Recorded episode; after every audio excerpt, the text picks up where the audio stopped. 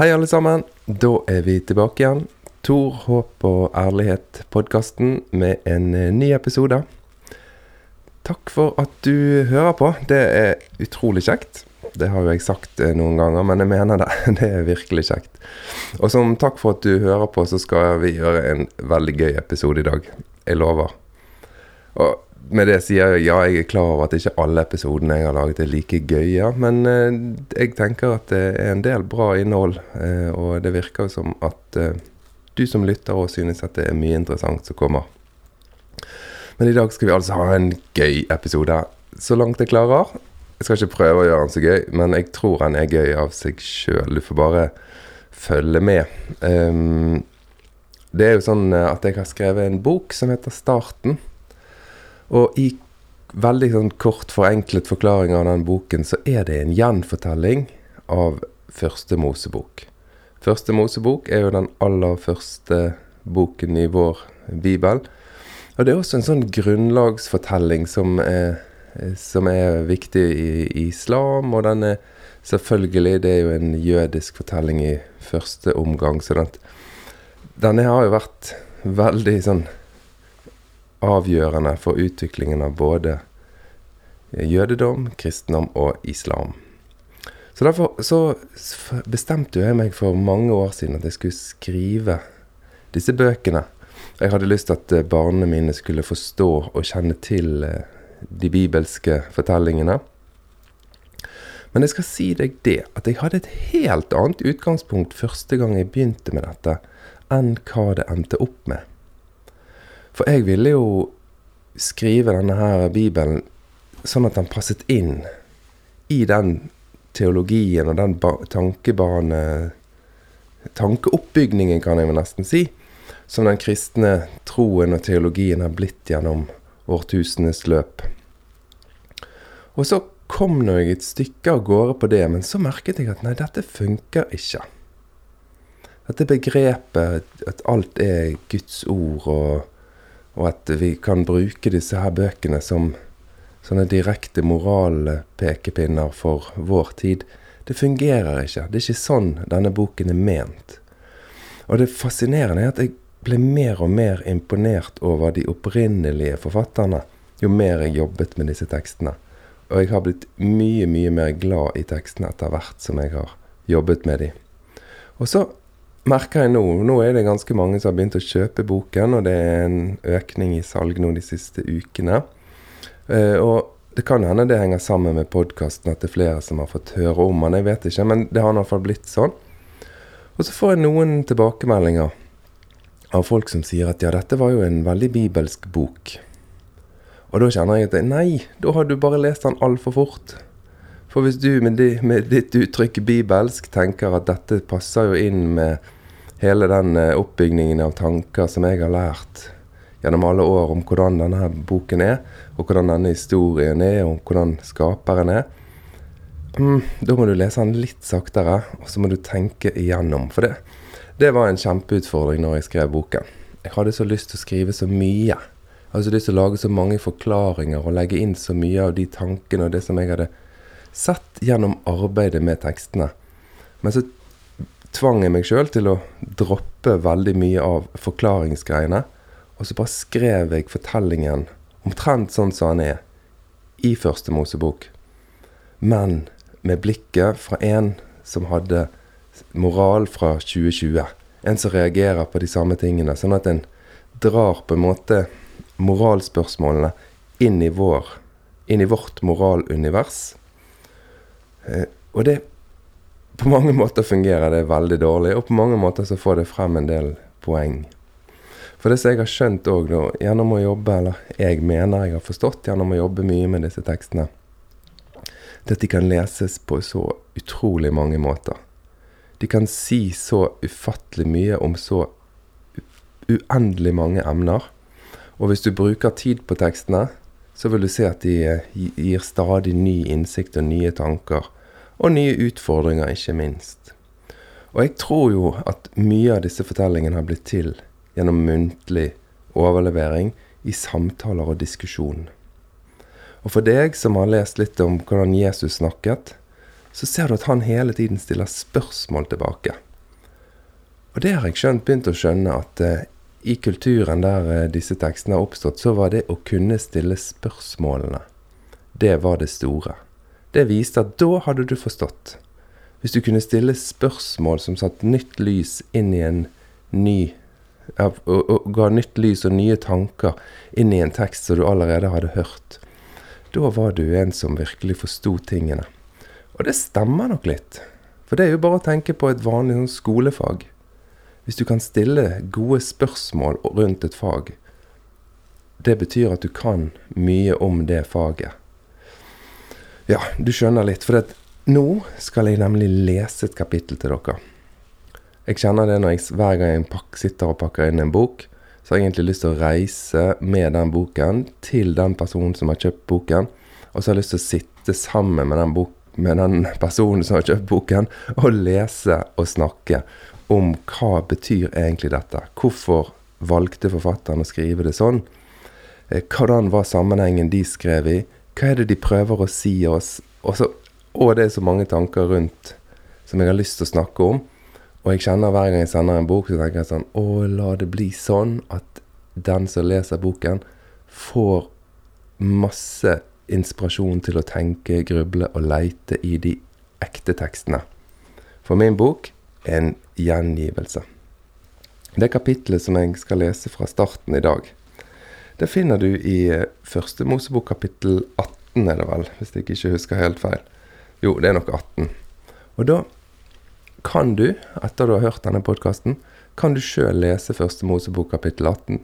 Og så vil du se at hvis du leser den litt rolig og bruker litt tid på det, så kommer du til å ha mange nye vinklinger som ikke jeg har med i min bok. Og jeg vet at det er mange vinklinger som jeg kunne hatt med, men som jeg ikke har tatt med. Og det finnes mange forklaringer til hvorfor jeg har valgt å gjøre tingene sånn som jeg har gjort, som ikke da er plass til å skrive i en bok. Det er liksom et helt univers rundt det hele. Og da ja, vet du hva. Jeg begynner å lese, og så er jeg nødt til å stoppe litt underveis. Altså bare for å ta noen eksempler på hvordan ting kan bety flere ting. Kapittel åtte, eller del åtte som det heter i boken, forhandlinger. Situasjonen ble enda mer forvirrende da mesteren kom på besøk til Mikael senere den samme måneden. Han var ikledd et menneskes skikkelse og så ut som en helt vanlig mann. Mesteren ville at Mikael også skulle være synlig for alle, og være kledd som folk flest, med sandaler og kjortler. De hadde et oppdrag å utføre i Sodoma. Bare tenk på det lille avsnittet her. Her kommer altså skaperen sjøl, og da ser han ut som en vanlig mann. Og det har jo blitt sånn at du kan tenke nå at ja, men det er fordi at det er rester av sånn gammel gudsdyrkelse også i jødedommen. Du kan tenke deg Thor og Odin eller Sefs og andre guder. Hvordan de var akkurat som mennesker. De hadde menneskelige trekk og reagerte på helt menneskelige måter og var sinte og kranglet og slåss. Men her kommer altså skaperen, som i ellers i stor grad er beskrevet som en en som du ikke kan personifisere, en som du ikke kan lage bilde av. En som det ikke går an å sette et navn på engang, fordi at den er utenfor alt. Den er alt, og alle ting er blitt til i og gjennom skaperen. Og vi er del av skaperen og lever og rører oss i skaperen. Sånne bilder er jo det masse av i Bibelen. Av denne urkraftguddommen. Men her kommer han altså som en helt vanlig mann. Tenk på det. Noen ganger, tror jeg, da kan det være godt å bare forholde seg til Gud som en person. Ja, nok om det. Dette kan du også tenke på. Men dette er jo bare et lite avsnitt som viser hvor mye som ligger i disse skriftene. Og så kan du begynne å tenke hvorfor har forfatterne valgt å fremstille skaperen som en vanlig mann, som tre personer som kommer gående på besøk til en, til en Abraham en som de liker godt, og en som de ikke vil holde hemmeligheter skjult for. Hvorfor har de gjort det sånn her? Og hvorfor, hvis du går noen kapitler til eh, videre, så kommer du til voldsomme gudsåpenbaringer. der fjellet rister, og det ser ut som vulkanutbrudd og alt mulig, og ingen må komme nær fjellet der skaperen i hele tatt setter sin fot, for da kommer de til å dø umiddelbart. Men her er det altså en tre vandringsmenn som er skaperen. Ja, vi kan, vi kan, du kan tenke litt på det. Nå, nå må, må ikke jeg snakke så mye, jeg skal lese videre. Beklager. Du burde jo egentlig hatt anledning til å avbryte meg når jeg snakker for mye, men eh, det går ikke. Sånn er nå podkast-hverdagen. da kan jeg styre. Jeg ønsker at du skal gå sammen med meg til Sodoma. Setningen var formulert som et ønske, men Mikael oppfattet mesterens ord som en ordre. Han fikk ingen forklaring på hvorfor de skulle til den store byen, men følelsen av at det var et alvorlig oppdrag, var ikke til å ta feil av. På veien til Sodoma skulle de gå til fots og stoppe innom hos Abraham og Sara, for det var mesterens uttrykte ønske å snakke med det gamle paret. Jeg vil ikke holde skjult for mine venner hva jeg skal gjøre, forklarte han til Mikael. Det var tydelig at paret var noen mesteren tenkte godt om. Da de nærmet seg teltene, så Mikael at en av de andre englene, som også var ansvarlig for en hæravdeling, kom gående mot leiren. Han hadde lyst til å spørre hva som var på, på gang, men kjente på seg at han snart kom til å forstå, så han valgte å være stille. I den senere tid hadde han gang på gang tatt seg selv i å kjenne på irritasjon over oppdraget han hadde fått, og var innerst inne ganske skamfull for sine holdninger. Faktisk hadde han begynt å lure på om det var så smart at han hadde takket ja til oppgaven. Kanskje han ikke hadde det som skulle til? Kunne han selv være årsaken til at Adams slekt ikke klarte å overvinne Lucifers ondskap? Tankene rullet over han som store bølger, så det var best å tie stille. Å snakke uten at noe av all denne frustrasjonen skinte gjennom, var umulig. Her må jeg kommentere noe. Vet ikke om du la merke til det, men her går Mikael og tenker på hvorfor Adams slekt ikke har klart å overvinne Lucifers ondskap. Og jeg valgte å ta med Lucifer i starten.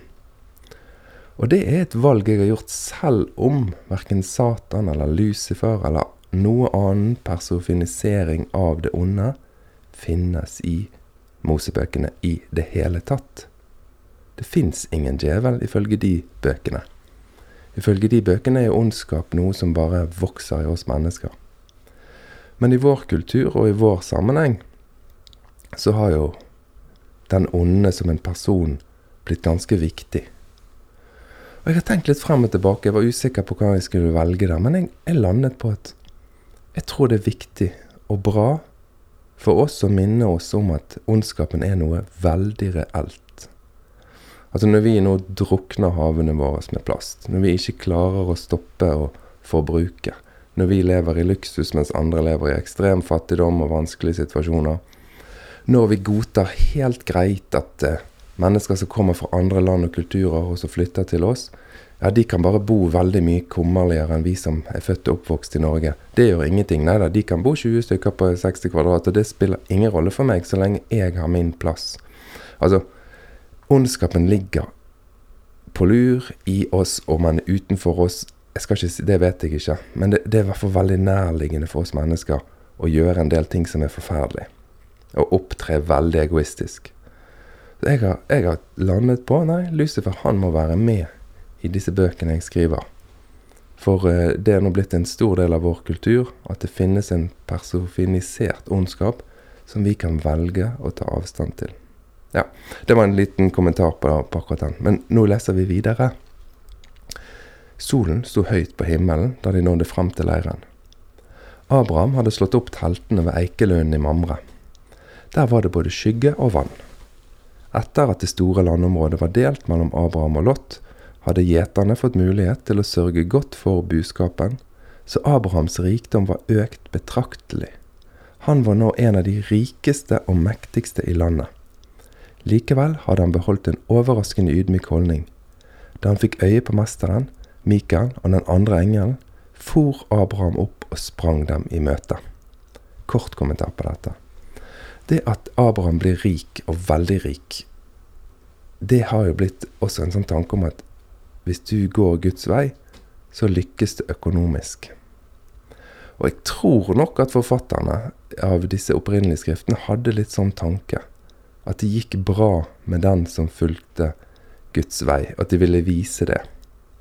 Men historien, og ikke minst Bibelen, har nå vist gang på gang på gang at det ikke er noe sammenheng mellom rikdom, suksess og det å følge god samvittighet og Gud. Ingen sammenheng whatsoever, men den er veldig tydelig i disse bøkene når de skal løfte frem hvem som er troens far. Ja, Vi leser videre. Mester, dersom jeg har funnet nåde for dine øyne, så ikke gå forbi din tjener. La meg hente litt vann, så dere kan vaske føttene og hvile dere her under treet.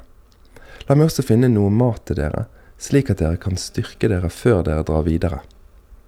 Abraham bøyde seg for å understreke at han så på seg selv som en tjener for de uanmeldte gjestene. Alle de tre vandringsmennene samtykket og satte seg i skyggen av eiketrærne. Mikael kjente seg sliten etter å ha gått langt i den stekende solen. Det var nytt for han å bevege seg begrenset av en kropp lik menneskene. Han kunne kjenne det verke i knærne, og bena trengte virkelig en vask. Det stakk i nesen da han dro av seg sandalene. Disse menneskene har litt av hvert å stri med, mumlet han, med sammenknepne lepper. Forstår ikke at skaperen hele tiden omtaler dem som sine venner. Han kjente at han ble mer og mer grinete mens de ventet på maten. Lavt blodsukker hadde han hørt om, men det var første gang han erfarte det selv. Det er òg en ting som bare veldig kort kommenterer. Engler er jo til dels til stede gjennom, eh, gjennom Mosebøkene, men ikke veldig sentralt. Eh, og hva type skapninger det er, det vet vi veldig lite om. Det aller meste som er utviklet av sånn englekultur og tanker i den kristne troen, det er bare spekulasjoner og tanker som er bygget og bygget og bygget og bygget gjennom kultur og sagn og videreformidlinger. Ja. Men Mikael merker at jeg liker han. Kul fyr. Abraham spiste ikke sammen med sine gjester. Han valgte å være sammen med dem som en tjener. Han kjente igjen mesteren fra de tidligere møtene de hadde hatt, og han forsto at mennene som var med han, heller ikke var helt vanlige vandringsmenn. Det var mesteren som brøt stillheten under måltidet. Før vi leser hva mesteren sa, så må jeg bare si det.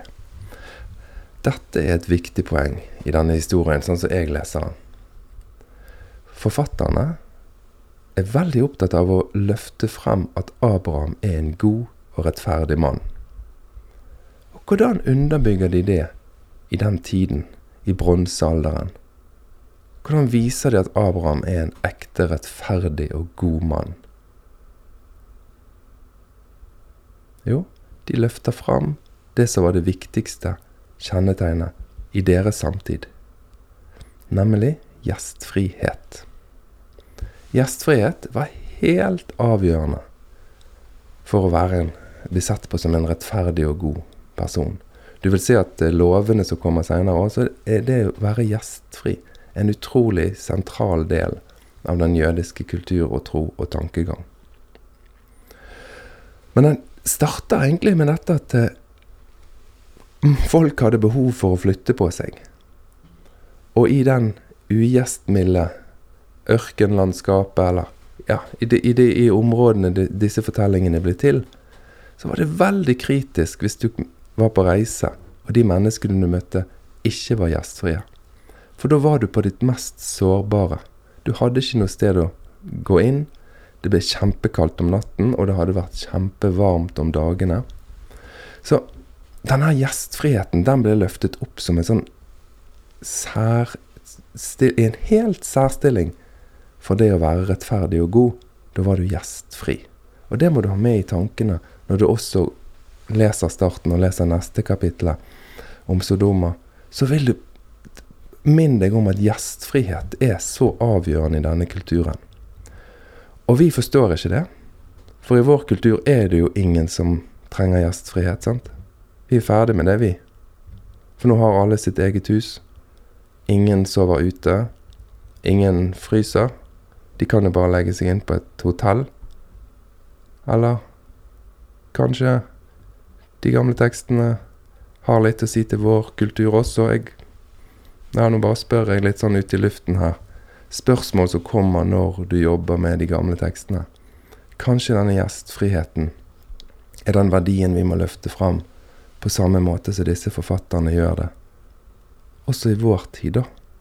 Men i hvert fall på denne tiden, hvis du skulle beskrive en som virkelig var en god person, så var det gjestfriheten som var avgjørende. Det var mesteren som brøt stillheten under måltidet. Hvor er Sara, din kone? Der inne i teltet satt Abraham og pekte over skulderen. Jeg kommer tilbake til deg når tiden er inne, og da skal din kone Sara ha en sønn. Mesteren snakket høyt og tydelig. Han visste at Sara sto inne i teltet like ved og hørte alt som ble sagt. Sara lo for seg selv inne i teltet. Skulle jeg føle lyst, utslitt som jeg er, og mannen min er også gammel, hvisket hun til seg selv, i visshet om at ingen hørte henne. Men mesteren hørte hva hun sa. Hvorfor ler Sara og sier at hun er for gammel til å få barn? Er det, mul er det noe som er umulig for mesteren? Jeg kommer tilbake til deg når det har skjedd. Mesteren brukte utestemmen. Michael syntes det var litt overdrevet. Tross alt var de bare en liten gruppe som satt og spiste. Noen ganger var han vel teatralsk, tenkte Michael, og forsøkte å få øyekontakt med den andre engelen, uten å lykkes. Mesteren på sin side så rett på Abraham mens han snakket, uten å foretrekke én mine. Det var umulig å lese noe av ansiktsuttrykket. Inne i teltet hørte Sara hva som ble sagt, og skyndte seg frem i teltåpningen. Litt forsiktig tok hun til orde. Jeg lo ikke, sa hun og la trykk på ikke, mens hun forsøkte å feste blikket i mesterens øyne. Men hun klarte ikke å se på han. I stedet ble hun stående og stirre på et av eiketrærne bak de fire mennene. Jo, du lo, svarte mesteren. Så reiste han seg og vendte blikket mot Sodoma. Byen var synlig langt borte i horisonten. Alle som var til stede, vendte også blikket mot Sodoma. Det føltes rart å ikke se den veien, så lenge mesteren så tydelig hadde sin fulle oppmerksomhet mot byen. Ingen sa et ord. Etter Saras forsøk på å skjule sin manglende tro, var stemningen blitt ganske pinlig. Mesteren burde la de sosiale antennene få bedre vekstvilkår, tenkte Mikael. Det kunne ikke skade å svare rundere enn noen ganger. Det måtte vel være mulig å glatte over noen uttalelser. Hvorfor alltid så rett frem? Men Saras hvite løgn ble fort glemt da mesteren fortalte hvorfor de skulle til Sodoma. Jeg har hørt grufulle klagerop fra Sodoma. Folkene der er grusomme. Jeg kan ikke være vitne til dette lenger, så nå vil jeg selv besøke byen og se om de som bor der, virkelig handler så ille som det er blitt fortalt. Når jeg setter min fot i byen, må jeg konfrontere ondskapen, slik jeg vil gjøre på den siste dag, med hele verden. Han ba Mikael og den andre engelen gå foran seg på vandringen mot byene i horisonten. For Abraham hadde bedt om å få snakke med han på tomannshånd. Mikael drøyde med avreisen for å høre hva det var Abraham hadde på hjertet. Han så at Abraham gikk helt inn til mesteren, og at han bøyde seg fremover slik at ansiktene deres bare var noen centimeter fra hverandre. Vil du virkelig rive bort de rettferdige sammen med de urettferdige? spurte Abraham. Han snakket med respekt, men var tydelig opprørt. Han understrekte det han spurte om, ved å strekke ut armene med håndflatene oppover. Siden de to sto så nær hverandre, kunne han ikke strekke hendene rett frem slik han pleide når han gestikulerte. I stedet var de løftet opp i skulderhøyde. Hendene dirret ved siden av mesterens ansikt. Kanskje det finnes 50 rettferdige i byen. Vil du virkelig rive dem bort? Vil du ikke bære over med stedet på grunn av de 50 som er der? Det ligner ikke deg å gjøre noe slikt, å la rettferdige dø sammen med urettferdige. Skal det gå like ille med den rettferdige som den urettferdige? Det ligner ikke deg. Må ikke hele jordens dommer gjøre det som er rett? Mikael kjente at han krympet på innsiden. Hvordan våget denne illeluktende sauegjeteren å korrigere mesteren? Men til Michaels store overraskelse kunne han se at Abrahams frimodige henvendelse fikk mesteren til å tenke seg om. Mesteren tok hånden til haken og gned den med fingertuppene og lukket øynene. Det så rett og slett ut som han sto og vurderte om Abrahams innspill hadde noe for seg. Så åpnet han øynene og så rett på Abraham. Jeg skal lese litt mer, men jeg må kommentere her. Tror ikke du forfatteren her prøver å si noe sånn som at uansett så går det an å endre de forferdelige tingene som er på vei? Tror ikke du forfatterne prøver å si noe sånn? Ikke godta det som kommer. Det går an å ta standpunkt når grusomme ting er på vei. Jeg leser videre. Finner jeg 50 rettferdige sodomer, vil jeg bære over med hele stedet for deres skyld.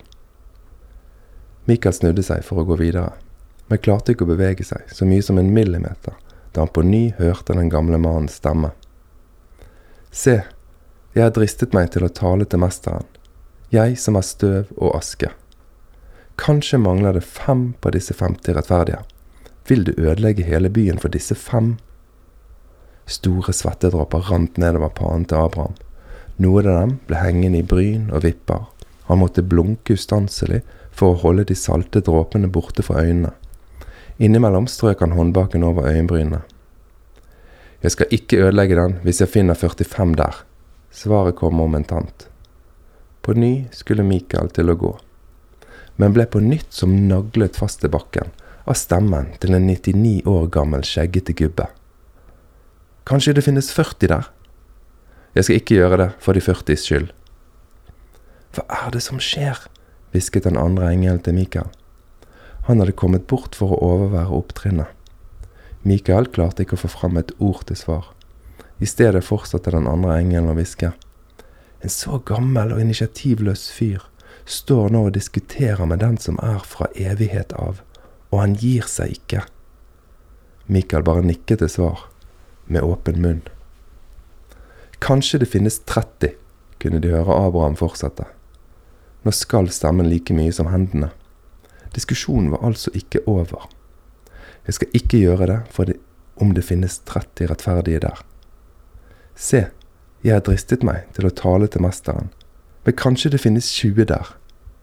Jeg skal ikke ødelegge den for de 20s skyld. Nå kunne de tydelig se at Abraham samlet alt mot han hadde for å heve stemmen en gang til. Han trakk pusten dypt før han presset frem et nytt spørsmål. Skjønt, det var ikke et spørsmål han stilte, bare antydninger om hvor mange rettferdige som kunne finnes i byen.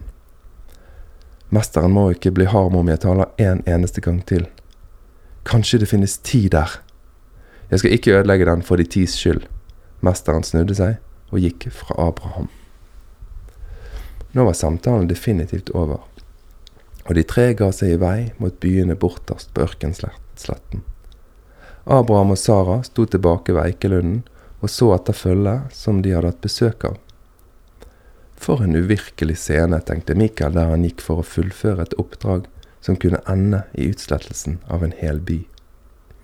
Abraham hadde virkelig stått på for å redde byen. Kanskje den gamle mannen ikke forsto hvem som hadde vært på besøk likevel. Englene visste hva som bodde i mesteren. De hadde alle sett det den gangen Lucifers opprør ble slått ned. Så til hvorfor jeg valgte å lese denne delen av fortellingen. Jo, det er noe jeg har tenkt på i noen måneder, etter jeg hørte et foredrag av en rabbiner. Han snakket nemlig om hvorfor Abraham ble troens far. Hvorfor ble han opphavet? Han var jo en helt vanlig mann som egentlig ikke gjorde noen ting. Han valgte å forlate det sirkulærtenkte jordbrukslivet eller nomadelivet som han var en del av, der han skulle overta det som foreldrene hadde gjort. Han valgte å forlate det i tro på at skaperen hadde noe annet for han. Han valgte å bryte ut av det tradisjonelle. Men han gjorde ikke så mye annet. Sant? Og så leser han rabbineren fortellingen om Noas ark. Og der står det om Noah at han var en rettferdig mann i sin samtid. Og en sånn, et sånn skryt fra Gud, eller fra skaperen, om et menneske, det finner du vel knapt i Mosebøkene at en person er, en rett, helt rettferdig i sin samtid. Og han levde jo etter, skal du tro på den kronologien som er i Bibelen her, da, så levde jo han lenge før Abraham. Hvorfor ble ikke han troens far? Og da sa denne rabbineren at jo, det er fordi at når han fikk høre at han kunne gå inn i båten sammen med sin familie, og så skulle han være reddet, så skulle de ha det bra, mens alle andre druknet, ja, da gjorde han akkurat sånn som han hadde fått beskjed om, da. Men troens far, Abraham, når han hører at det skal gå galt på noen andre, så risker han sitt eget liv for å redde de andre. For det er veldig gjennomgående gjennom Mosebøkene at det å se Gud, skaperen, ansikt til ansikt, det kan ingen menneske gjøre uten å dø. Men her risker altså Abraham alt han har og er, og livet sitt, i å rett og slett gå i en skikkelig krangel med skaperen. Diskutere og irettesette skaperen og si 'Det kan ikke være sånn du er'. Det kan jo ikke være mulig at alle disse skal dø. Det ville være helt ulikt deg å være så urettferdig og bare skjære alle over en kam. Og drepe mennesker som, som ikke har anledning til å komme seg unna. Sånn er jo ikke du. Så da sier han rabbineren at derfor er han troens far. Når du møter urettferdighet som skjer andre, så kan du etterligne troens far og vite at det er rett å stå opp mot den uretten. Når du kjenner inni deg at 'nei, dette er ikke greit overfor de'. Og i Norge så har vi vår kjære Øverland som skrev det at du skal ikke tåle så inderlig vel den urett som ikke rammer deg selv. Det er jo sånn det vi har hørt så mange ganger at vi nesten ikke husker hvor utrolig innholdsrik teksten er. Men det er jo det Abraham gjør her. Han tåler ikke denne uretten. Så han er villig til å ofre sitt eget liv med å gå i fighten med den som du ikke kan se og fortsatt leve. Så kan du begynne å diskutere ja, men var det Gud, og var det sånn det skjedde? Og da sier jeg da tror jeg at du misser poenget med disse tekstene. Disse forfatterne de har aldri gitt inntrykk av at dette er en naturfagbok eller en historiebok eller en detaljbok som er riktig. De skriver de sagn og de tanker og de fortellinger som har blitt til i kulturen deres gjennom lange, lange, lange tider. Disse fortellingene som har blitt fortalt rundt bålet om kvelden, kveld etter kveld etter kveld, og som har vokst og endret seg. Og da er jo det sånn at noen fortellinger noen fortellinger fester seg i bevisstheten til mennesker fordi at vi kjenner igjen at her er det noe rett. Her er det noe vi må ta vare på. Og så skriver de ned de fortellingene, for de vil bevare sin kultur og sitt folk. Og de har masse å si oss. Det er ikke sånn at de sitter som sånne nøytrale skrivere som bare skriver ned sånn som det var. De har redigert og jobbet for å fortelle oss noe. Og én ting som jeg virkelig får ut av å lese det, disse tekstene her, og den teksten som jeg leste nå, det er gjestfrihet og det å ikke godta når det er noe som går utover noen andre. Det er det. Det er noe av hovedbudskapet i disse tekstene, sånn som jeg leser den. Og så syns jeg det er veldig gøy. For når du leser Første Mosebok kapittel 18 f.eks., så kan det hende det er andre ting som stopper, du stopper ved, og som snakker til deg. Og sånn er det med hellige tekster. Også andre hellige tekster vil du merke at sånn er det. Hvis du jobber med disse og lar de snakke til deg, og så snakker du tilbake til dem. stiller noen spørsmål, og så, og så når du kommer til noe som er for absurd, ja, så ikke lat som du synes at det ikke er absurd. Vær enig i at det er absurd. Vær sint på den teksten og si 'sånn kan ikke vi ha det'. Dette kan ikke vi godta. Nei, nei, nei. Å ja, jeg ser at dette her, som står her i denne teksten, har gitt grunnlaget for forferdelige handlinger. Ja, da vil jeg ikke, ikke akseptere det. Lev med tekstene. For sånn som jeg har opplevd det, så er for mange av oss som er vant til å forholde oss til Bibelen, vi har vent oss til at når vi kommer til noe som er absurd, grusomt, ondskapsfullt og feil, så godtar vi det. Å ja, ja, men det er sånn det er. For det er Guds ord. Noen ganger har jeg tenkt at det begrepet Guds ord har ødelagt hele Bibelen. For dette jeg tror vi finner Guds ord i Bibelen. Jeg tror vi finner tanker som vi kjenner igjen er evig sanne og rettferdige og gode for oss, og som utfordrer oss. Men som Abraham, i møte med det hellige, så er det ikke sånn at vi skal godta alt. Dette var bare en liten smakebit av starten. Jeg håper selvfølgelig at dere som lytter på, vil lese boken. Og jeg håper veldig at du blir utfordret av å lese den. Utfordret til å tenke nye tanker rundt de eldgamle fortellingene og skriftene som har betydd så mye, og som betyr så mye for mange. Jeg har vært så heldig nå når eh, salget øker, at jeg kan skru ned prisen på frakten. For det at Bring har gitt bedre avtaler. Så nå, eh, nå vil jeg bare koste 29 kroner i frakt og transport. Og det er uavhengig av hvor mange bøker du kjøper. Så kanskje julegavekjøpingen er på gang, og da er det bare å legge inn bestilling på torhåkoneiken.com. Der er det en eh, netthandel. Og hvis du syns det er vanskelig, så kan du gjøre som så mange andre har gjort. Sende meg en melding på Messenger, så skal jeg fikse sånn at du får bestilt på riktig måte hvis du syns det er vanskelig å finne ut av den nettbutikken. Men i hvert fall Jeg håper at du syns dette var litt gøy og litt interessant, og at du har lyst til å følge med neste fredag klokken 07.00, for da er det en ny episode fra Tor Håp og ærlighet-podkasten. Ha en eh, riktig god uke.